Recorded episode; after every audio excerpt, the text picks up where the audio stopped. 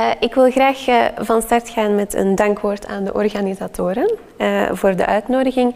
En um, mijn excuus is dat ik slechts een deel van het congres hier live kon bijwonen.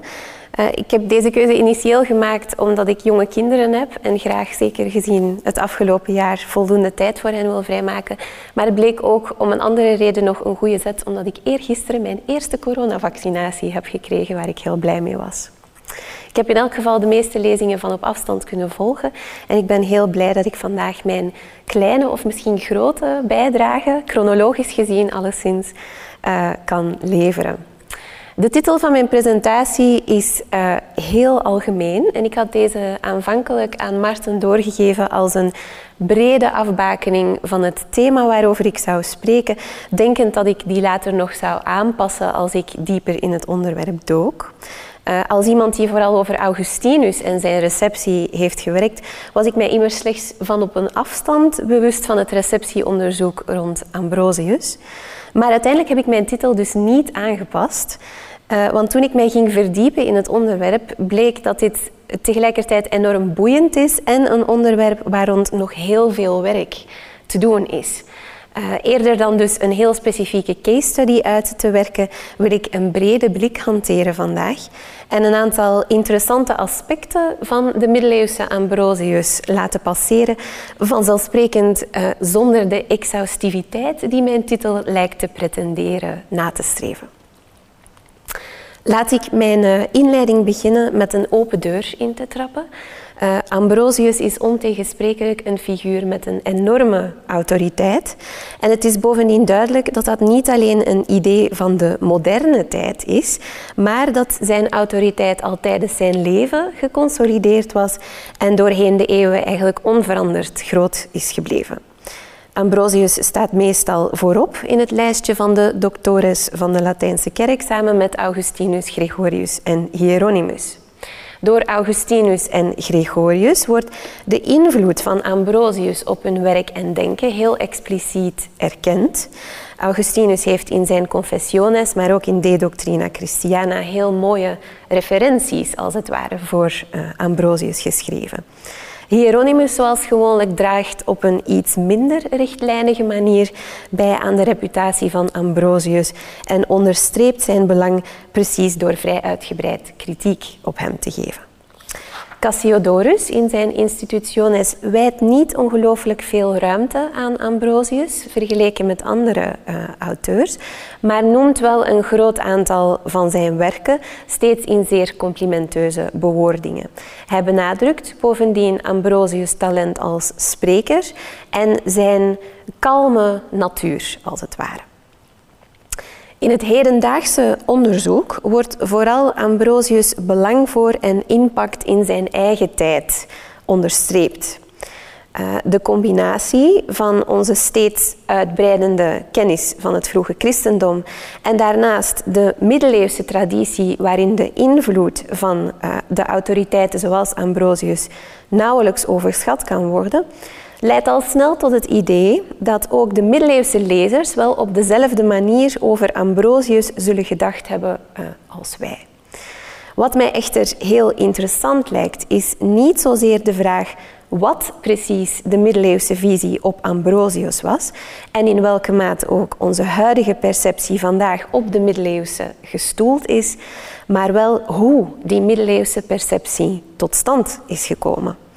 Dit was immers een wereld waarin alle teksten met de hand gekopieerd werden, waarin het vergaren van kennis op vele manieren onnoemelijk veel complexer was dan vandaag en waarin het verifiëren van fragmentarisch aangeleverde data bijna onbegonnen werk was.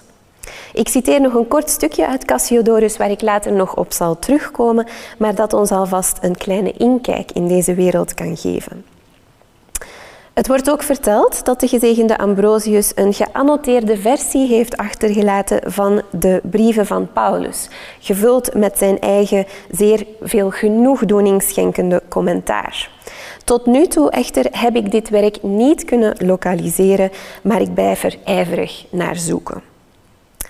Als we de hoe-vraag willen gaan beantwoorden, dan komen we automatisch terecht bij de fysieke transmissie, de overlevering van Ambrosius' werken. Hoe middeleeuwse kopiisten ermee omgingen, met welke frequentie en met welk enthousiasme de werken gekopieerd en gereorganiseerd werden en hoe de middeleeuwers ze aangepast hebben aan hun eigen context en eigen doeleinden. Ambrosius levert heel veel interessant studiemateriaal op dit vlak. Zo is bijvoorbeeld een van onze oudste bewaarde um, manuscripten, Boulogne-sur-Mer, Bibliothèque Municipale 32 uit de eerste helft van de 6e eeuw, er een dat traktaten en brieven van Ambrosius bevat. Net zoals voor Augustinus zijn er ook in de latere middeleeuwen voor Ambrosius opera omnia projecten geweest. Zoals bijvoorbeeld de nu grotendeels verloren editie, die in het tweede kwart van de 12e eeuw gecompileerd werd op bevel van Martinus Corbo, provoost van Sant'Ambrogio in Milaan. De globale vraag naar de kennis en verspreiding van Ambrosius' werken in de middeleeuwen is er echter een die we momenteel op basis van het bestaande onderzoek niet kunnen beantwoorden. Een belangrijke reden hiervoor is ongetwijfeld de afwezigheid van een systematisch overzicht van de handschriftelijke overlevering van Ambrosius' werken. Zoals we dat wel hebben voor bijvoorbeeld Augustinus. Eh, en het feit dat de reeks voor Augustinus nog niet volledig is, wordt grotendeels goed gemaakt door de omstandigheid van de volumes in de reeks en ook voor, Ambro uh, voor Hieronymus. Sorry. Uh, ook voor Gregorius worden hier belangrijke stappen voorwaarts gezet door de lijsten die aangeboden worden via Mirabile. Kortom, momenteel hebben we slechts een beperkte hoeveelheid instrumenten die ons op een efficiënte manier toegang geven tot wat men in de middeleeuwen wist van Ambrosius. Uh, dit zeg ik zonder evenwel afbreuk te willen doen aan de meerdere uitstekende uh, studies en bijdrages die er al bestaan. Receptie is echter een meerlagig begrip dat niet alleen rechtstreeks met de handschriftelijke overlevering van de werken van Ambrosius te maken heeft, evenals het ook niet louter samenhangt met hoe bepaalde beroemde of belangrijke middeleeuwse auteurs zich door Ambrosius hebben laten inspireren.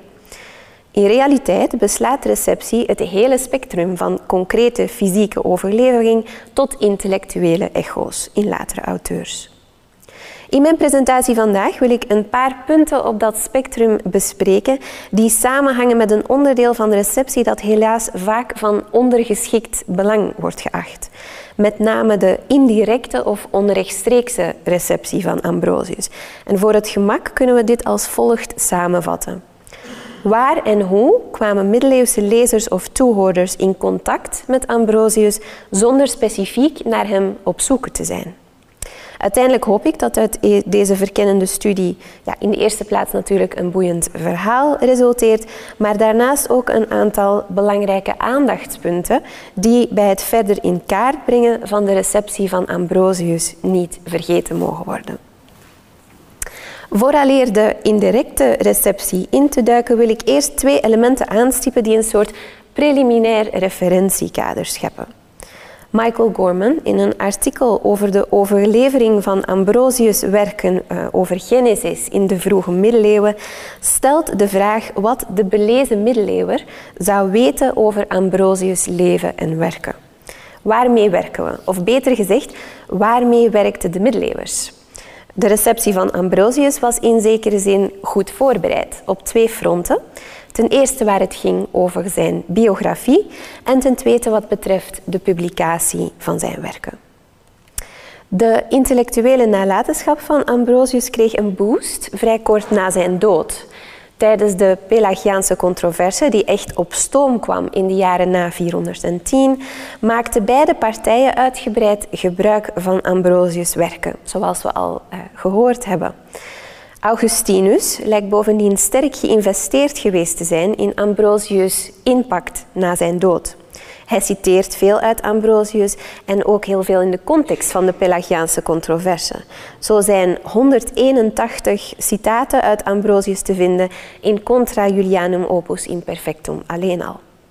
Ook de hymnen van Ambrosius, zoals we reeds gehoord hebben, zijn een belangrijk referentiepunt voor Augustinus geweest. Het is bovendien op zijn aandringen dat Paulinus van Milaan, alleszins dat zegt hij zo, uh, een, um, uh, iemand uit de entourage van Ambrosius en zijn uh, persoonlijk secretaris een biografie aan hem wijden. Die biografie is waarschijnlijk de laatste in 422 geschreven. Uh, de editie van die Vita Sancti Ambrosii, uh, daterend weliswaar uit 1928, citeert slechts vier manuscripten, waarvan het oudste uit de late 8e eeuw dateert. De andere komen uit de 10e eeuw, twee stuks, en de 15e eeuw. Helaas biedt de editie geen volledige census van de manuscripten die Paulinus Vita bevatten, maar dat het er veel meer zijn dan deze vier lijkt wel vast te staan. Uh, als ik er de uh, digitale catalogus van de Bibliothèque Nationale in Parijs op nasla, vind ik voor Vita Ambrosi al 83 uh, resultaten. Al is het natuurlijk niet met zekerheid te zeggen of deze allemaal Paulinus-versie van de biografie bevatten. Doorheen de middeleeuwen zijn er immers nog uh, andere vitae geschreven. Uh, onder andere bijvoorbeeld in de 9e eeuw in Milaan. Uh, en daar tussen die twee biografieën zijn er heel wat discrepanties te vinden, zoals ook te verwachten is. Verder zijn er ook heel wat referenties naar Ambrosius in hagiografische teksten, vooral dan uit Italië, die gewijd zijn aan andere heiligen. En natuurlijk zijn er de confessiones, waarin Ambrosius een heel belangrijke bijrol speelt. Toch moeten we voorzichtig blijven en altijd het besef hebben van de filter, als het ware, die de fysieke transmissie plaatst op alle interacties van middeleeuwse lezers met dit materiaal. Zo weten we intussen dat de confessiones in de middeleeuwen niet bepaald een bestseller waren en ook meer algemene compilaties, zoals Cassiodorus Institutiones, die vaak naar voren wordt gedragen als een belangrijk referentiemiddel voor de middeleeuwen uh, bij het bepalen van wie wat geschreven heeft, uh, waren niet overal beschikbaar. Zo wordt bijvoorbeeld beargumenteerd dat Beda, die in zijn Bijbelcommentaren een, een buitengewone aandacht heeft voor de referenties naar zijn bronnen, uh, wordt beargumenteerd dat hij de institutiones bijvoorbeeld niet ter beschikking had. Iets wat ook ontbreekt in de vita van Paulinus en wat een enorme waarde heeft naar de latere receptie toe, is een systematisch overzicht van de geschriften van Ambrosius, zoals die bijvoorbeeld voor Augustinus in diens vita door Posidius wel te vinden is. En ook in Augustinus' eigen Retractationis geeft hij een mooi overzicht wat door middeleeuwse auteurs um, met plezier uh, benut is geweest. Ambrosius heeft echter op andere manieren de verspreiding van zijn werken in de hand proberen te houden. Iedereen die de Sermones ad Populum van Augustinus bestudeert, ik kijk uh, naar Joost onder andere, weet dat de middeleeuwse traditie er heel anders had uitgezien als Augustinus zijn voornemen om zijn preken te herbekijken en organiseren had kunnen waarmaken.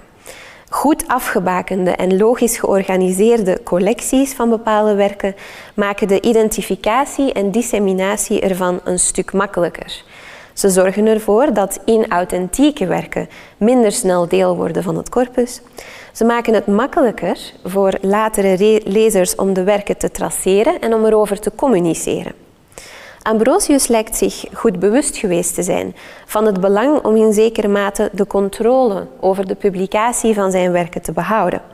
Als we nog even bij de preken blijven, we weten dat Ambrosius bekend stond als een bijzonder getalenteerd preker. Uh, maar ondanks die reputatie zijn er nauwelijks preken van Ambrosius overgeleverd. Wat we wel hebben zijn traktaten, vooral over het Oude Testament, meer dan 2000 pagina's in de Weense editie. In de manuscripten staan deze betiteld als Liber Tractatus Expositio, maar niet als Sermo of Homilia.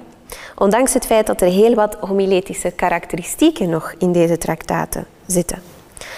Ambrosius liet dus klaarblijkelijk zijn preken niet circuleren zoals ze genoteerd werden terwijl hij ze uitsprak, maar herwerkte ze binnen de conventies van andere genres. Mogelijk deed hij dit omdat hij de preek als genre niet geschikt achtte voor verdere verspreiding, zoals geopperd is in het onderzoek. Maar wat de reden ook was, het effect op de transmissie van de teksten in kwestie is significant geweest. En daar ga ik dadelijk verder op in. Onderzoek door Gérard Norroy heeft bovendien aangetoond dat Ambrosius hoogstwaarschijnlijk zelf verantwoordelijk was voor de organisatie van zijn grote collectie brieven in tien boeken.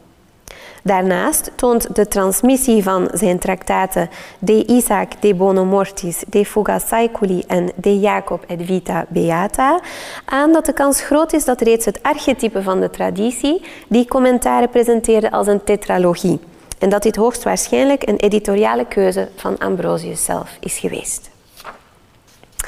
Met dit uh, referentiekader in het achterhoofd, laat ons nu gaan kijken naar de middeleeuwse transmissie- en receptiecontext van Ambrosius' werken.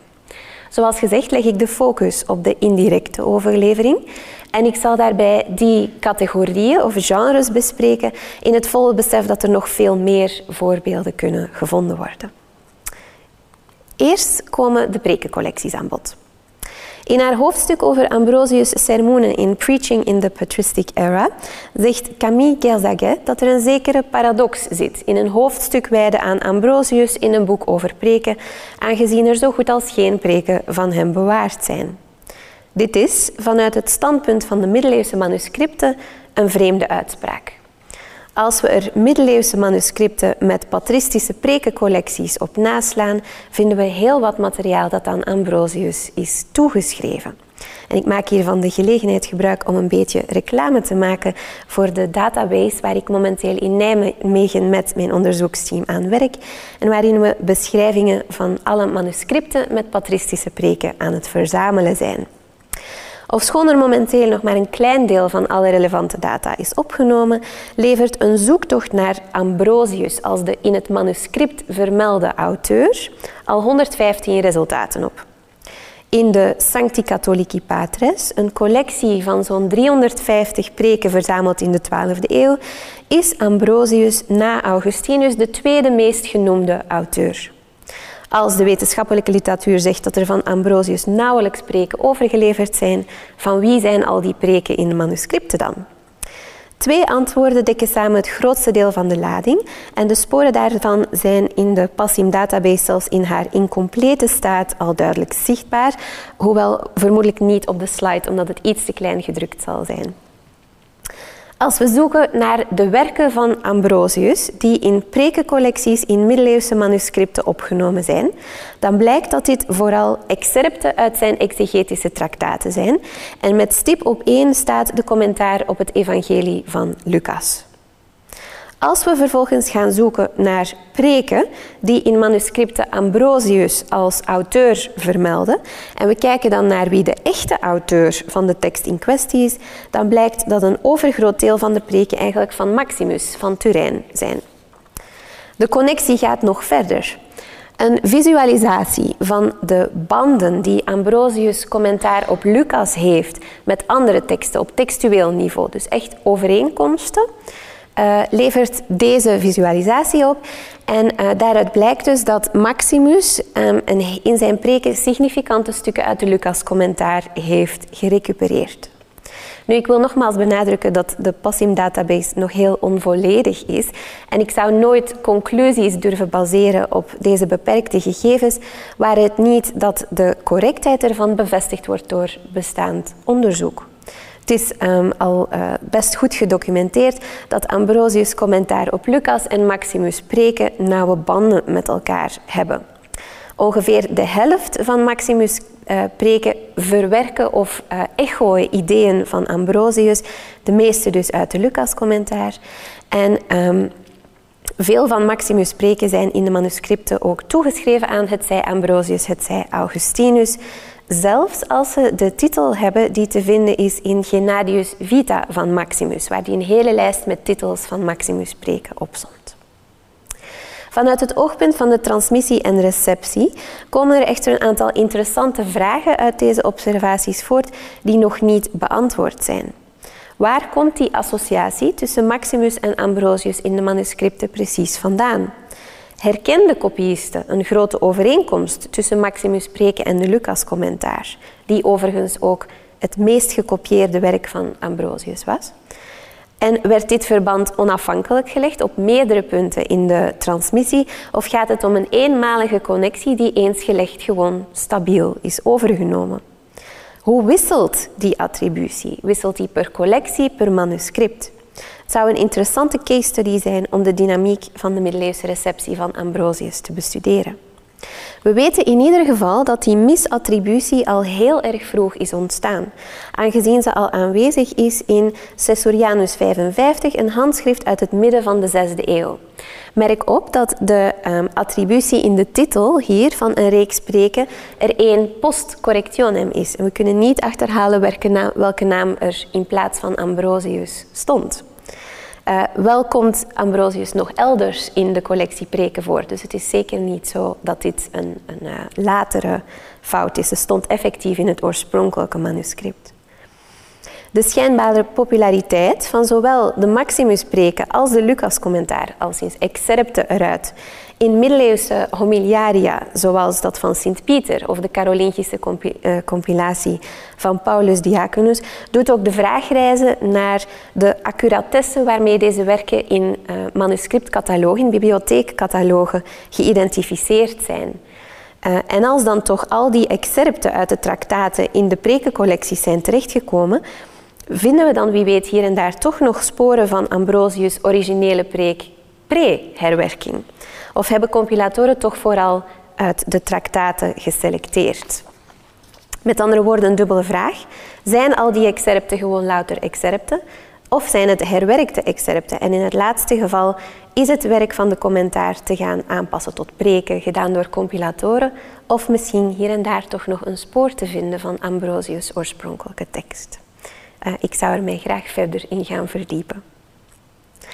Uh, voor het tweede voorbeeld uh, gaan we naar een categorie waar we receptie van Ambrosius in de middeleeuwen zonder meer verwachten. En dat is bijbelcommentaren. Uh, vanzelfsprekend werden de exegetische werken van Ambrosius rechtstreeks overgeleverd. En zoals professor Baars in zijn lezing op donderdag duidelijk gedemonstreerd heeft, ligt aan het andere uiteinde van het spectrum de kerkvader als inspiratie, als bron van intertextuele uh, verwijzingen. Daartussenin ligt een genre dat lang eerder um, stiefmoederlijk behandeld is geweest, maar waar de middeleeuwen een bijzonder rijke traditie van kenden. En dat is de compilatiecommentaar waarin een compilator in wezen een bloemlezing samenstelt van fragmenten uit één of meerdere auteurs en met die selectiefragmenten een nieuwe commentaar samenstelt. Uh, voor Ambrosius. Zo, uh, ik toon hier echt een voorbeeld. Dit is de Augustinus-commentaar van Floris van Lyon, maar het is de autografe kopie. Dus toont heel mooi hoe de compilator te werk gaat, fragmenten na elkaar plaatst met de bronverwijzing in de marges. Voor Ambrosius, zoals ook voor Augustinus, biedt de Carolingische periode een paar bijzonder interessante voorbeelden. Uh, Florus van Lyon, met recht een van de grote in het genre van compilatiecommentaren, heeft als onderdeel van zijn Collectio ex dictis duodecim patrum onder meer een commentaar op de brieven van Paulus gemaakt op basis van 411 extracten uit 15 authentieke werken van Ambrosius. En ik neem de brieven hier als één werk, wat gerechtvaardigd is als we ons herinneren dat hij als een relatief coherente collectie circuleerde in de middeleeuwen. In Florus Collectie de Fide neemt hij bovendien de hele Ad Gratianum Augustum over en meer dan 50 citaten uit de commentaar op Lucas. We hebben toevallig ook nog het bronhandschrift van Florus bewaard, Lyon Bibliotheek Municipale 475, waarin zijn annotaties te zien zijn. Marginale noten, hier en daar een correctie van de tekst, eh, aanpassing van spelling en interpunctie. De meeste Carolingers die Ambrosius verwerken in hun eigen Bijbelcommentaren, maken echter ook volop gebruik van de door professor Baars reeds genoemde commentaar van Ambrosiaster. Uh, anonieme auteur actief in Rome, waarschijnlijk tussen 360 en 385. Mogelijk was de reden voor die foutieve identificatie het reeds vermelde citaat uit Cassiodorus, waarin hij wijst op een Paulus-commentaar door Ambrosius die hij niet heeft kunnen lokaliseren. Maar ook Augustinus, die het werk van Ambrosiaster schijn, uh, citeerde, schijnt niet goed geweten te hebben wie nu de echte auteur was. Hij noemt nu eens Ambrosius, dan weer Hilarius. De commentaar van Ambrosiaster was breed verspreid en werd vaak gebruikt in andere commentaren, zoals die van Rabanus Maurus en Lanfranc. In de editie van de commentaar worden al 11 manuscripten uit de 9e eeuw of ouder ingezet, uh, van 72 manuscripten aan de uitgever bekend. En als een auteur genoemd wordt in de manuscripten, is dat nagenoeg consequent Ambrosius. De commentaren van Ambrosiaster en ook de authentieke exegetische werken van Ambrosius zijn door verschillende bekende Carolingische schrijvers ingezet. Claudius van Turijn, ik vermeldde al Rabanus Maurus en ook uh, Haimo van Auxerre, wiens commentaar op Paulus de um, onweerlegbare bestseller van de Carolingische periode was, met nog meer dan 180 bewaarde manuscripten. Die commentaar van Haimo wordt overigens ook regelmatig in de manuscripten aan Ambrosius toegeschreven. Interessant is een, een terloopse opmerking, als het ware, die de uitgever van de commentaar van Ambrosiaster, Heinrich Vogels, maakt in de inleiding. Hij zegt dat als de commentaar hergebruikt wordt in andere teksten, dat het steeds andere fragmenten zijn die uit de commentaar geplukt worden. Wat impliceert dat elke auteur hem opnieuw leest en uitpluist in plaats van zich te baseren op het werk van voorgangers. Het zou ook heel interessant zijn om te onderzoeken hoe Ambrosius, die in de tijd van de Pelagiaanse controverse volop werd ingezet aan beide zijden van het argument, uh, hoe die vaart in Carolingische predestinatie- en genadecontroverses.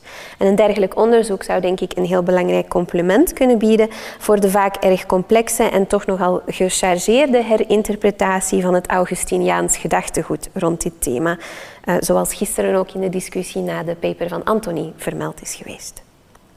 Voor het derde en laatste voorbeeld ga ik naar iets een tikje luchtigers. Um, ik kijk naar het lot van Ambrosius Hexaemeron, zijn preken voor de vast op Genesis 1, en het lot dat die beschoren waren in de middeleeuwen. In de literatuur wordt regelmatig een verband gelegd tussen passages uit Hexaemeron en de Physiologus. Een verzameling oorspronkelijk Griekse verhalen waarin gewoonten en eigenschappen van dieren en planten een christelijk moraliserende duiding krijgen. En een werk dat in de middeleeuwen enorm populair zou worden. De connectie die beschreven wordt in de secundaire literatuur bestaat er onder meer in dat Ambrosius een stuk uit de Physiologus lijkt geciteerd te hebben in zijn beschrijving van de patrijs. En uh, dus wordt dit gebruikt om te beargumenteren dat de Physiologus reeds in de vierde eeuw in een Latijnse vertaling zou bestaan hebben. Nu, over de kracht van dit argument wordt stevig gedebatteerd in de literatuur en ik ben hier meer geïnteresseerd in wat er later met de Hexaemeron en de Physiologus is gebeurd. De verwevenheid van Ambrosius en de fysiologus neemt verschillende vormen aan. Om te beginnen is, um, uh, ik val een beetje in herhaling, Ambrosius één uit een lange lijst auteurs aan wie de fysiologus met regelmaat wordt toegeschreven. Maar interessant genoeg komt ook een dubbele attributie voor.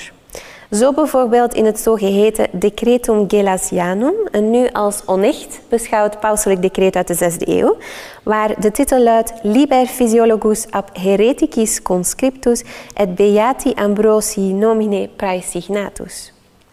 In een vroeg 9e eeuwse kopie van dit decretum, St. Gallen Stiftsbibliotheek 230, vinden we de frase terug met uh, toevoeging, dus de naam eerst Liber Physioletus staat er en met de toevoeging apocryphus op het einde. Hier is het duidelijk dat de kopiist de Physioletus niet kan thuisbrengen, maar ook de attributie aan Ambrosius niet vertrouwt. Naast de attributie zien we ook dat in een van de uh, zogeheten zuivere versies van de Physiologus een hoofdstuk over de haan toegevoegd wordt dat overgenomen is uit Hexaemeron 524. Dit is een voorafspiegeling van wat er later met de fysiologus gaat gebeuren. De oorspronkelijke nucleus wordt aangevuld met materiaal uit Ambrosius, maar ook uit Isidorus Etymologiae, uit Solinus Collectania Rerum Memorabilium en andere teksten. De verrijkte collectie zal bekend komen te staan als het bestiarium, een middeleeuws genre dat vooral aandacht heeft gekregen omwille van de prachtige illuminaties die de tekst vergezellen in de manuscripten. Interessant om daarbij mee te nemen is dat in een tweede redactie van het bestiarium, de zogeheten Second Family Bestiary, Ambrosius de enige nieuwe toevoeging is die, niet tot, uh, die tot een religieuze context terug te leiden is, terwijl alle andere nieuwe aanvullingen uit de natuurwetenschappelijk en natuurfilosofische hoek komen. De latere receptie van Ambrosius in de encyclopedische traditie heeft veel te danken aan, aan, Isidorus, die Ambrosius in het genre geïntroduceerd heeft. We kunnen dit illustreren aan de hand van een klein voorbeeldje. Ambrosius vermeldt in Hexaemeron 3.8 dat de bladeren van de moerbij slangen kunnen doden. Uh, dit uh, kleine feit, feit, is opgepikt door Isidorus in boek 17, De Agricultura van de Etymologiae. En van daaruit terechtgekomen in een hele race latere encyclopedieën en natuurhistorische traktaten, zoals die van Thomas van Cantimpré uit de, het midden van de 13e eeuw en Vincent van Beauvais. Uh, de laatste vooral bekend omwille van zijn Speculum Maius, uh, een uh, gigantisch compendium dat als een van de eerste encyclopedieën te boek staat. De traditie evolueert en de context van de uitspraken verandert significant doorheen de middeleeuwen. Hoewel in sommige takken van de overlevering de moraliserende aspecten van de verhalen blijven bestaan, zijn er ook heel wat voorbeelden te vinden die de dierenverhalen ontdoen van hun christelijk-allegorische verklaring.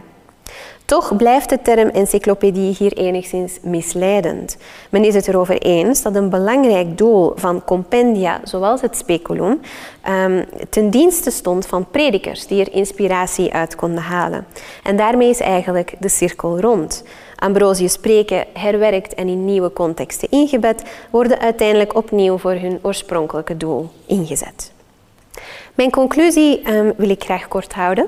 Het uh, middeleeuwse nachtleven van Ambrosius is tegelijk een bijzonder boeiend en nog voor een groot deel onontgonnen onderwerp.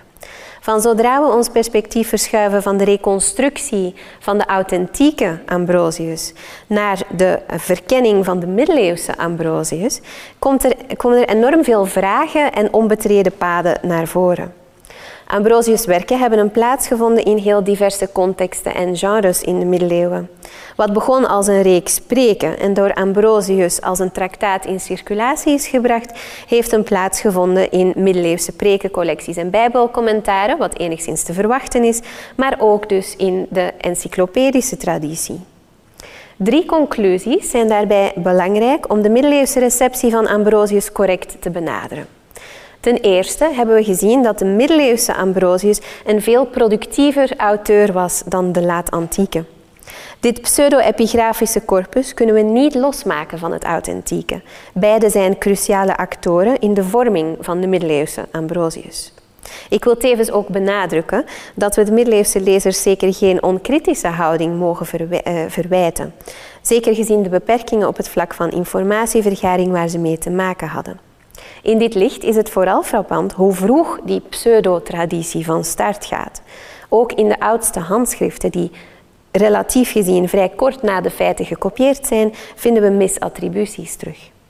Ten tweede is het noodzakelijk om bij het bestuderen van de impact van Ambrosius op theologische controversies en debatten in de middeleeuwen elke vorm van receptie mee te nemen.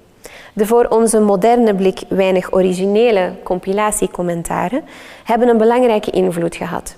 Niet alleen omdat de selectie al heel wat kan zeggen over de houding van de compilator zelf, maar ook omdat dergelijke compilaties vaak de manier waren waarop auteurs toegang hadden tot een gecondenseerde versie van het gedachtegoed van de autoriteiten van de kerk. Ten derde is ook duidelijk het belang gebleken van elk klein radartje in de machine die de teksten van Ambrosius doorheen de middeleeuwen tot bij ons gebracht heeft. Vroegmiddeleeuwse mediatoren zoals Isidorus zijn bepalend geweest voor het succes en de richting van de receptie van bepaalde werken. Er lijkt een tendens te zijn om Ambrosius en Augustinus vrij onlosmakelijk met elkaar te verbinden.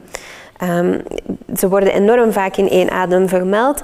En het is ontegensprekelijk zo dat Augustinus een belangrijk onderdeel is van de middeleeuwse receptie en perceptie van Ambrosius. Wat ik echter hoop geïllustreerd te hebben, is dat er nog heel wat meer facetten aan de receptie van Ambrosius zijn die losstaan van Augustinus en toch ook echt aandacht verdienen. Ik sluit graag af met een citaat dat ik eerder toevallig tegenkwam in een artikel van Paul Meijvaart over Beda Venerabilis. One of the natural shortcomings to which historians are prone is a failure to give ignorance its due and to acknowledge the force of the haphazard in human affairs. Ik hoop dat ik vandaag al recht heb gedaan aan de kracht en rijkdom van het onbekende in de middeleeuwse receptie van Ambrosius. Dank voor uw aandacht.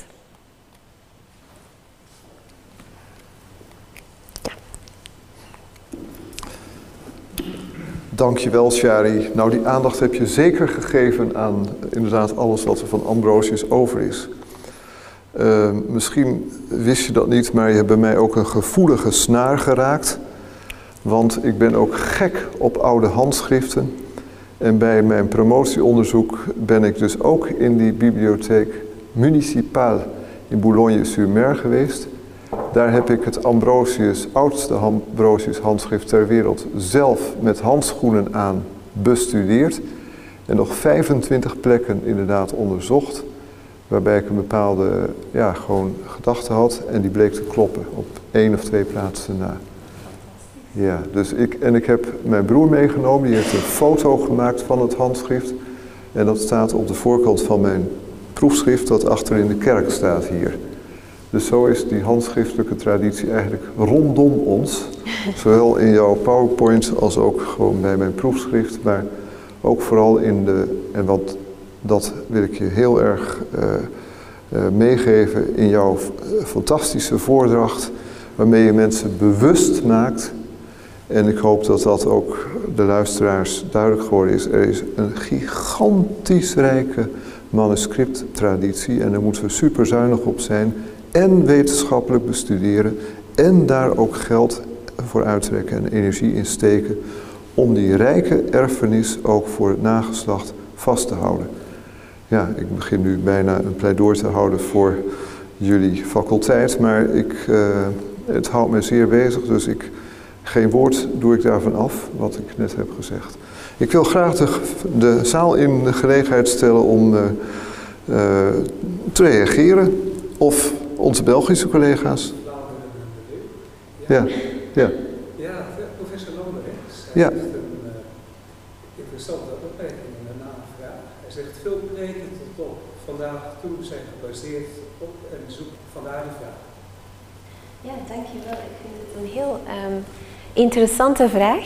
Uh, ik kan er geen eenduidig antwoord op geven. In de zin dat het inderdaad zo is dat in de literatuur vooral Augustinus degene is die als de um, autoriteit op dat, uh, rond dat thema is onderzocht in de, in de 9e eeuwse controverse en, en wat zijn rol daarin is. Ik weet wel bijvoorbeeld dat voor Hinkmar van Reims uh, Ambrosius een heel um, uh, inspirerende figuur was, omwille van de manier waarop hij politiek en, en, en, en religie verenigt in zijn, in zijn leven. En dat Hinkmar daar heel veel echo's van zag in zijn eigen ja, ambities of, of, of omstandigheden. En um, ik weet dus wel dat bijvoorbeeld Hinkmar van Reims een grote kennis van Ambrosius had en die ook heel frequent gebruikt heeft. Dus ik, ik denk zeker dat er mogelijkheden zijn om te gaan bekijken in welke mate Ambrosius uh, daar een rol gespeeld heeft. Maar ik kan niet zeggen of ook bijvoorbeeld Gottschalk uh, regelmatig naar Ambrosius gerefereerd heeft in zijn werken. Maar het is in elk geval een heel boeiende onderzoeksvraag. Ja, als uh, er gereageerd wordt per mail, dan kunnen we ook eventueel nog daar doorgaan. Ja, er is een professor Bartoen zelf. Ja? Ja, graag. Zijn er in de traditie van Ambrosiaanse en pseudo-Augustinus? Ook al zo'n boeiende vraag. Um, ik, ja, ik. Oh, moet ik, ik, zal, ik, wil hem gerust even samenvatten hoor. Ja, ja zeker.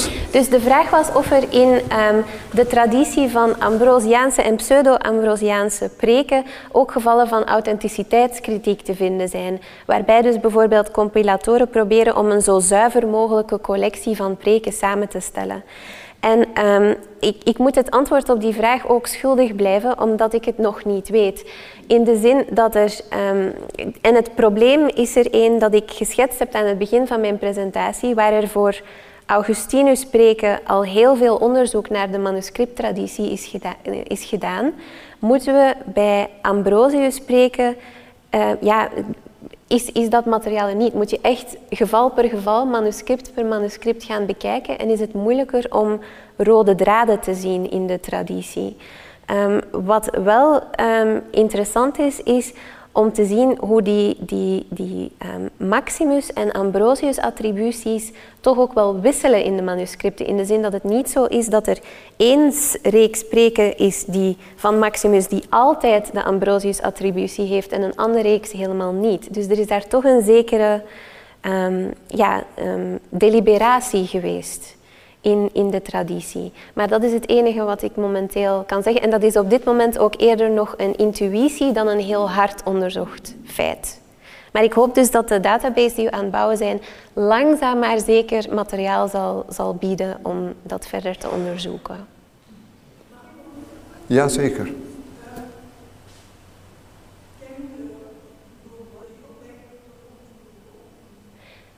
Sorry, ik heb, de, ik heb het niet gehoord. Wie, wie, vraag je, speelt een rol? Michaela hmm. Zeltzer, ook een bekende Ambrosius-onderzoekster. Speelt hij ook een rol in jullie onderzoek? Of in... Ja, bedoelt u ook de, het, het, Corpus Scriptorum Ecclesiasticorum Latinorum bijvoorbeeld? Ja, dat. Ja, ja, dus um, um, voor het bouwen van de database werken wij met hen samen. Want zij hebben bijvoorbeeld de reeks um, uh, over de handschriftelijke overlevering van de werken van Augustinus gemaakt. Dat is hun, hun project. En dus uh, ik, ik ben uh, op zoek gegaan naar een samenwerkingsverband met hen om dat materiaal te kunnen gaan incorporeren. Dus dat is in wording. Ik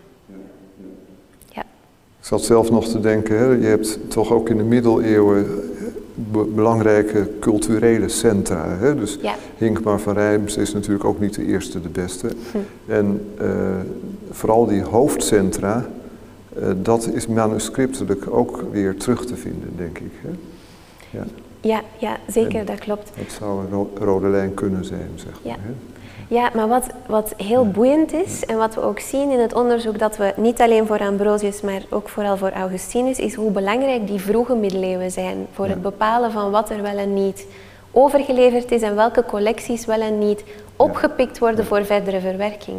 Want het moet eerst ja, in een bepaalde vorm de 9e eeuw bereiken voordat het een, een bepaalde interesse genereert en een bepaald... Ja, dus, dus die, de, de vroege middeleeuwen helaas, want daar is zo weinig materiaal van bewaard, maar zijn echt wel cruciaal om te begrijpen hoe het, het pad verder gaat in de latere middeleeuwen. Ja, dus.